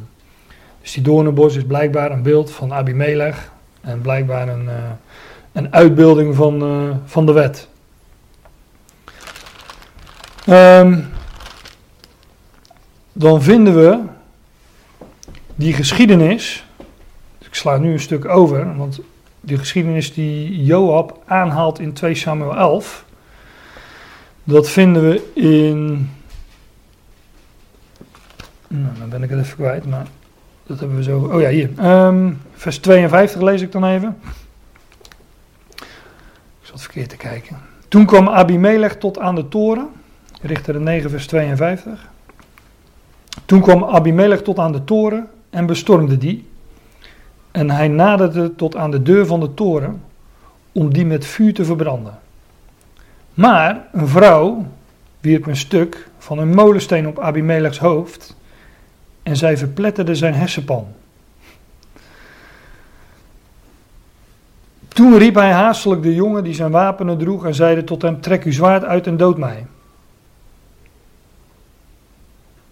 Herkennen jullie die woorden? Toen riep hij haastelijk de jongen die zijn wapenen droeg en zeide tot hem: Trek uw zwaard uit en dood mij.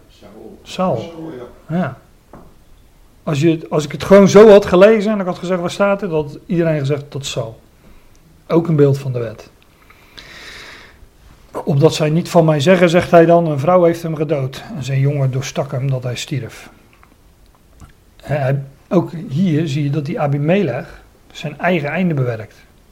Hij heeft opdracht tot zijn eigen einde. De wet geeft opdrachten die leiden tot haar eigen einde. ja, nou, er valt nog wel meer over te zeggen, maar die, die vrouw die wierp een stuk van een, uh, een molensteen op Abimelechs hoofd. En daarmee komt de wet ten einde. De wet wordt uh, onthoofd door een steen. Een steen in de schrift is altijd een beeld van Christus. Ik had gisteren Jehovah's getuige aan de deur en uh, die liet mij iets lezen uit Daniel 2. En toen zei ik van, uh, ja, het ging over dat, dat God een koninkrijk ging vestigen en daaraan zou geen einde komen, in tegenstelling tot al die koninkrijken die, die wij nu kennen en gekend hebben in de, uit de geschiedenis. Dus toen liet hij mij een uh, vers las hij voor. Ik zei, oh, dat is Daniel 2. Ik zeg dat uh, de steen afgehouden wordt zonder mensenhanden en dat hele beeld verpulvert van goud, zilver, ijzer, koper enzovoort. Nou, die steen is ook een beeld van Christus. En deze steen is dat ook en die verplettert, die brengt een einde aan de wet. Die komt op Abimelechs hoofd en verplettert zijn hersenpan. Vanaf de muur, nou leg daar Efeze 2 vers 14 naast. De middelmuur des afscheidsels die wordt weggebroken, ook, gaat ook over de wet. En de wet bewerkt haar eigen einde, zoals, dat, uh, zoals Abimelech dat hier doet. En ja, Uria dat in zekere zin natuurlijk ook doet in 2 Samuel 11. Nou, meer zullen we maar niet zeggen over uh, Richter 9, maar ik wil dat even kort doen en erop, erop wijzen dat ook dat over die wet gaat. Dat dat ook typologie is die, die we zo op de wet kunnen betrekken en het einde van de wet. Nou, dat is in, uh, in 2 Samuel 11 ook het geval. En Joab die, uh, ja, die kende die geschiedenis. Ik lees het hoofdstuk nog even uit. Dus ik ben nu weer terug in 2 Samuel 11. Vers 22 wordt het dan. En de bode ging heen en kwam in en gaf David te kennen alles waar hem Joab om uitgezonden had. En de bode zeiden tot David: Die mannen zijn ons zeker te machtig geweest en zijn ons uitgetogen in het veld. Maar wij zijn tegen hen aangewezen tot aan de deur der poort. Toen schoten de schutters van de muur af op uw knechten, dat er van de koningsknechten dood gebleven zijn. En uw knecht Uria de Hethiet is ook dood. Toen zeide David tot de bode: Zo zult gij tot Joab zeggen: Laat deze zaak niet kwaad zijn in uw ogen, want het zwaard verteert zowel deze als gene. Ja, als oorlog kan gebeuren, zegt uh, David eigenlijk. En op zich is dat waar natuurlijk. Alleen David heeft, had andere motieven, maar het zou je gedacht zijn hoe vaak dit in een oorlog gebeurt, dat bepaalde legereenheden opgeofferd worden. Ik heb ooit een uh, film gezien in de jaren 90, was dat Saving Private Ryan? Was dat jaren 90? Daar ging over de landing op Normandië. Nou, daar heeft men echt wel ingecalculeerd dat duizenden, zo niet tienduizenden soldaten eerst de dood zouden vinden voordat er een paar doorheen kwamen. Dus op zich is dat niet zo heel vreemd in een, uh, in een oorlog. Alleen ja, David die had wat. Uh, die had een verborgen agenda, zeg maar. Um, ja, het zwaard verteert zowel deze als gene. Versterk uw strijd tegen de stad en verstoor ze, versterk hem alzo.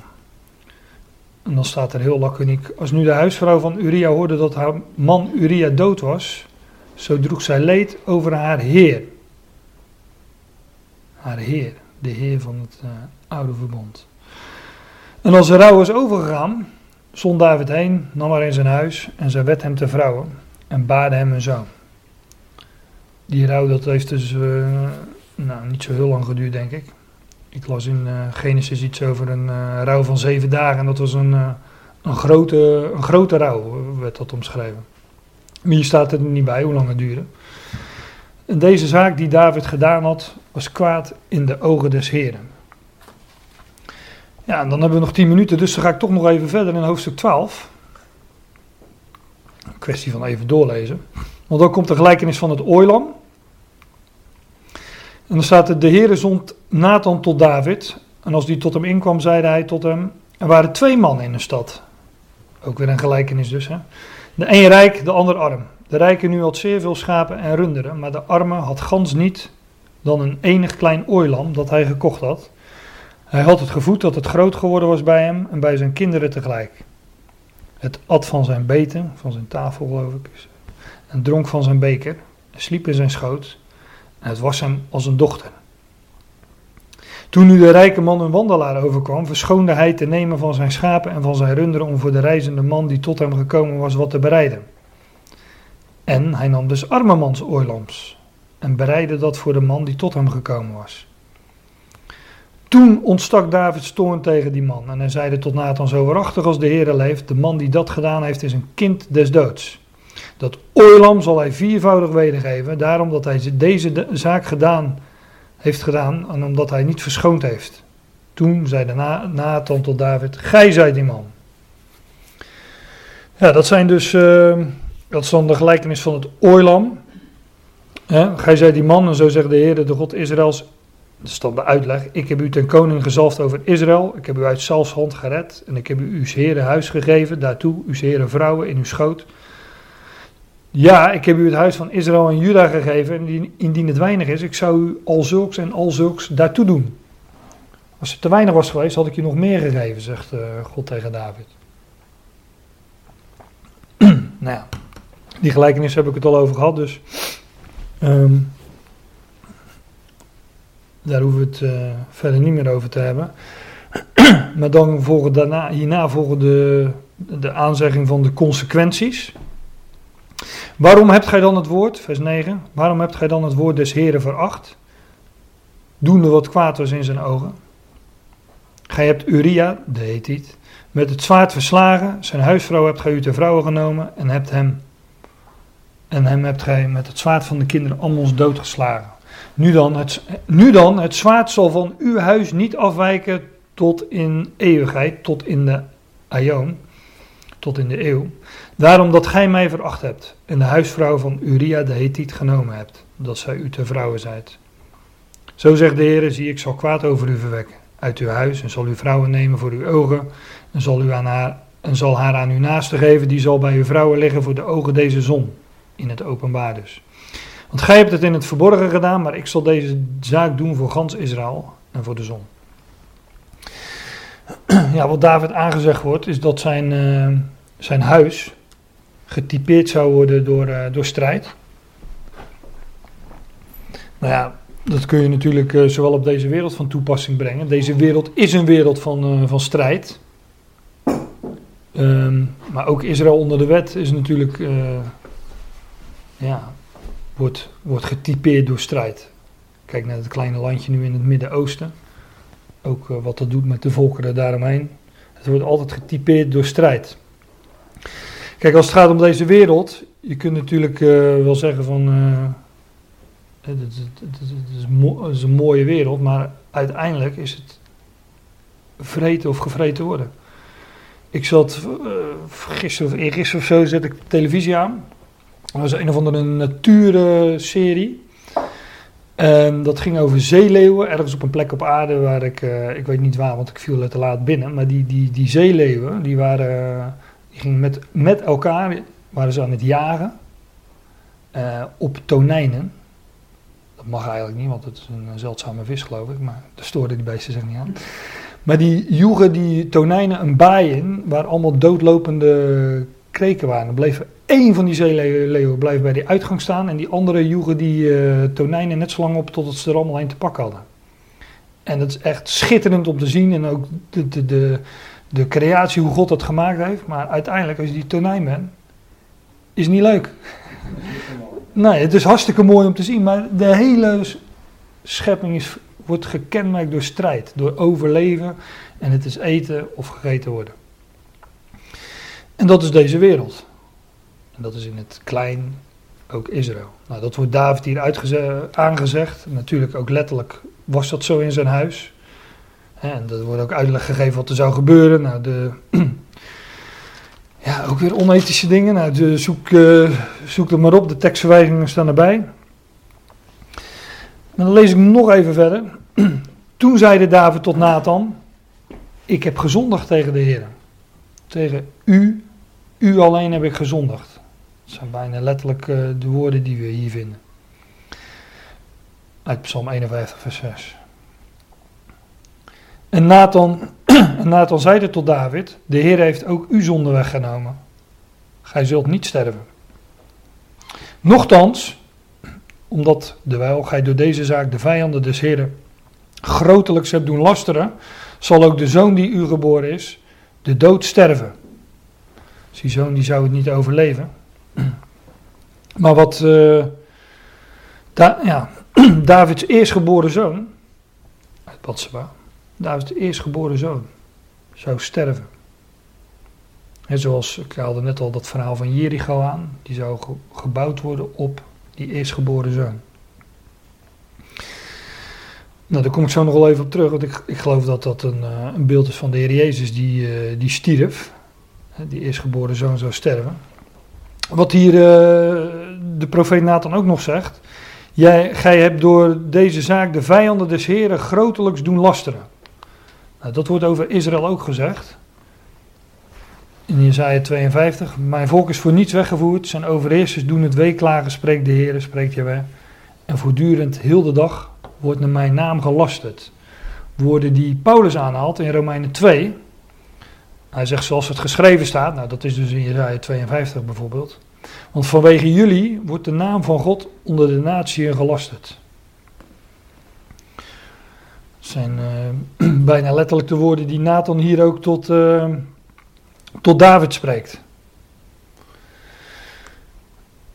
Toen ging Nathan, vers 15, naar zijn huis. En Jawel, de Heer sloeg het kind, dat de huisvrouw van Uria David gebaard had. Dat het zeer krank werd. Hier, hier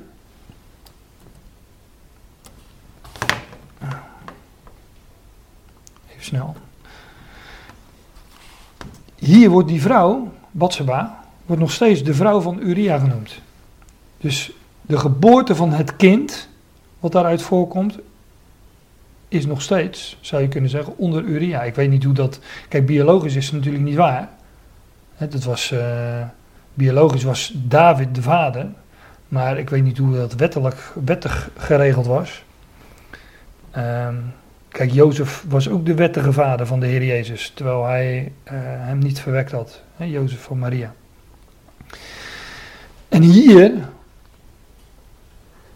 wordt Batswa nog steeds de huisvrouw van Uria genoemd. Het kind wat hier geboren wordt, wordt geboren onder Uria. Nou, typologisch zie ik daar gewoon een beeld in van de Heer Jezus, die kwam onder de wet. Werd geboren onder de wet, omdat hij degene die onder de wet waren verlossen zou. Maar dat kind werd zeer krank, staat er dan. dat lezen we ook van de Heer Jezus in Jezaja 53. Het behaagde de Heer te verbrijzelen, hij heeft hem krank gemaakt. Ik weet niet of het hetzelfde woord is. Maar dat lezen van de Heer Jezus ook, die uh, moest lijden en uh, sterven. Jezaja 53 vers 10 is dat. en David zocht, vers 16, David zocht God voor het jongsken. En David vastte en vastte en ging in en lag de nacht over op de aarde. Toen maakte zich de oudste van zijn huis op tot hem om hem te doen opstaan van de aarde, maar hij wilde niet en at geen brood met hem. En het geschiedde op de zevende dag dat het kind stierf. En Davids knechten vreesden hem aan te zeggen dat het kind dood was, want zij zeiden, ziet, als het kind nog levend was, spraken wij tot hem, maar hij hoorde naar onze stem niet. Hoe zullen wij dan tot hem zeggen, het kind is dood? Want het mocht kwaad doen. Maar David zag dat zijn knechten mompelden. Zo merkte David dat het kind dood was. Die zeiden David tot zijn knechten, is het kind dood? En zij zeiden, het is dood. Nou, een beeld van Jezus die stierf, als je het mij vraagt.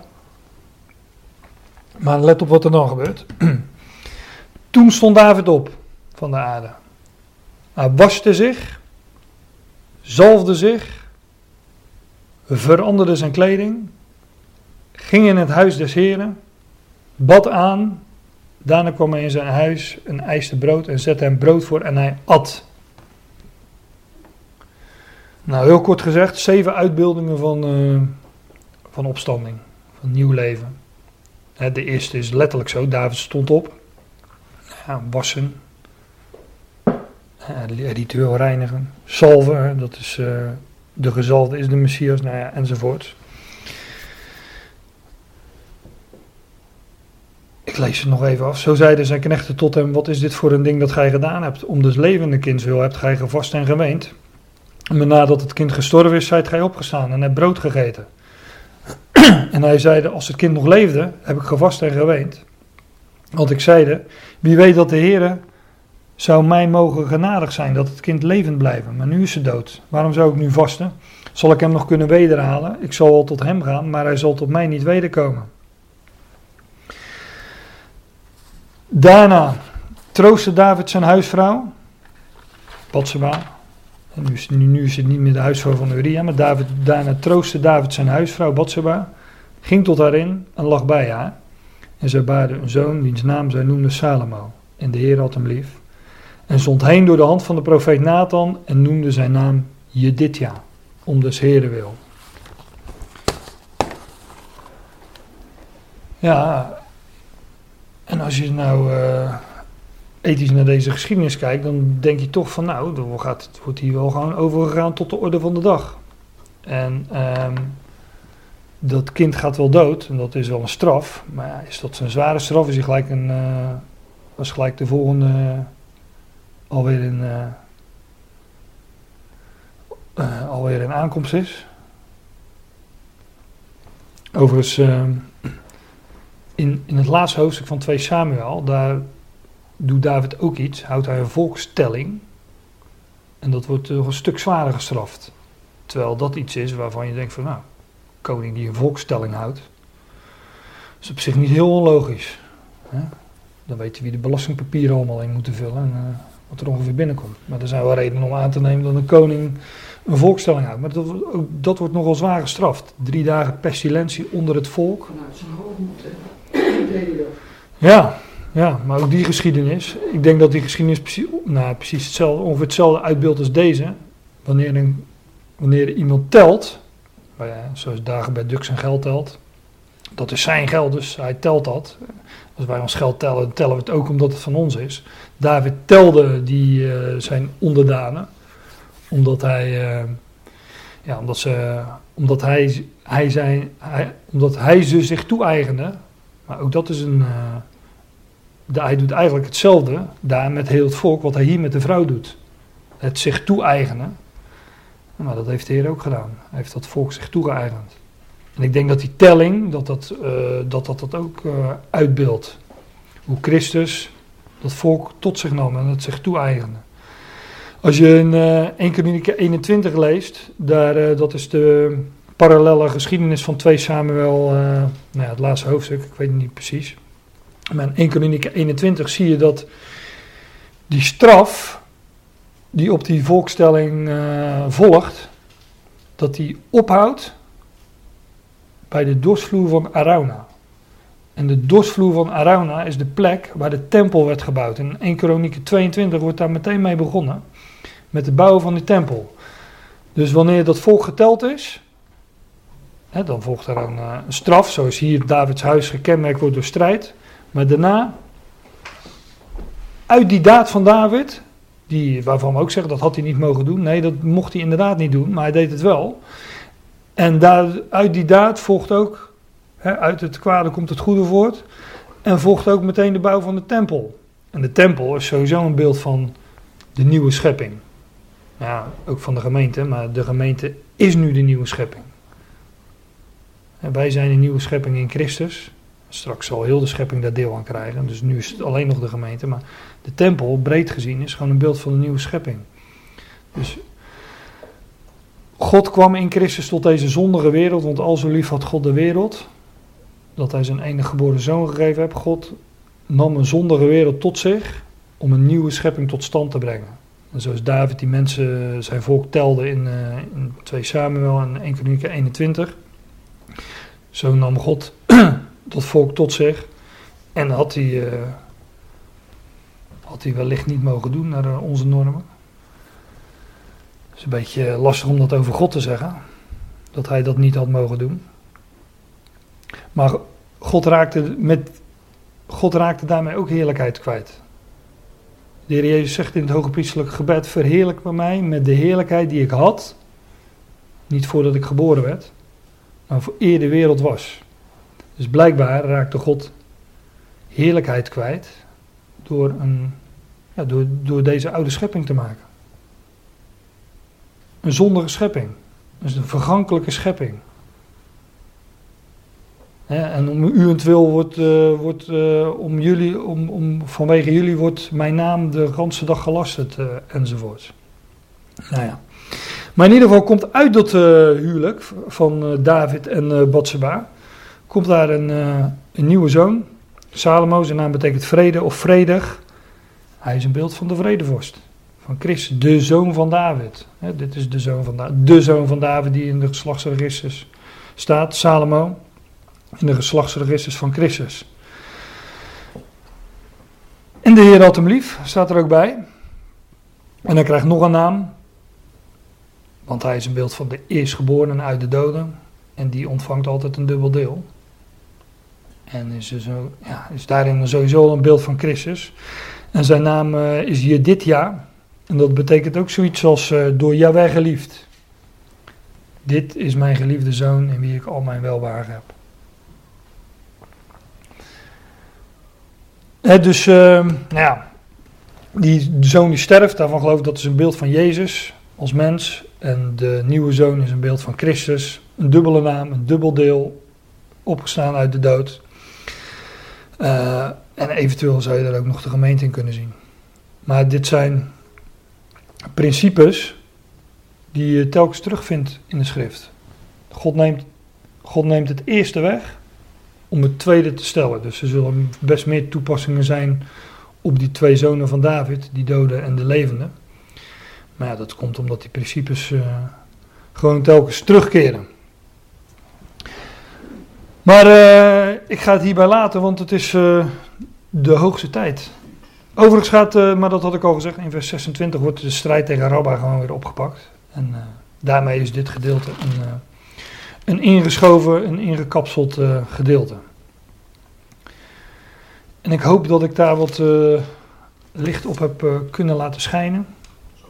Maar ja, ik wilde het toch graag in, in één keer behandelen. Had wellicht in twee keer gekund, maar dan was het weer net wat te weinig voor geweest wellicht. Maar nu gaan we het hierbij laten en eh, waar we het de volgende keer over gaan hebben, dat, eh, dat zien we dan.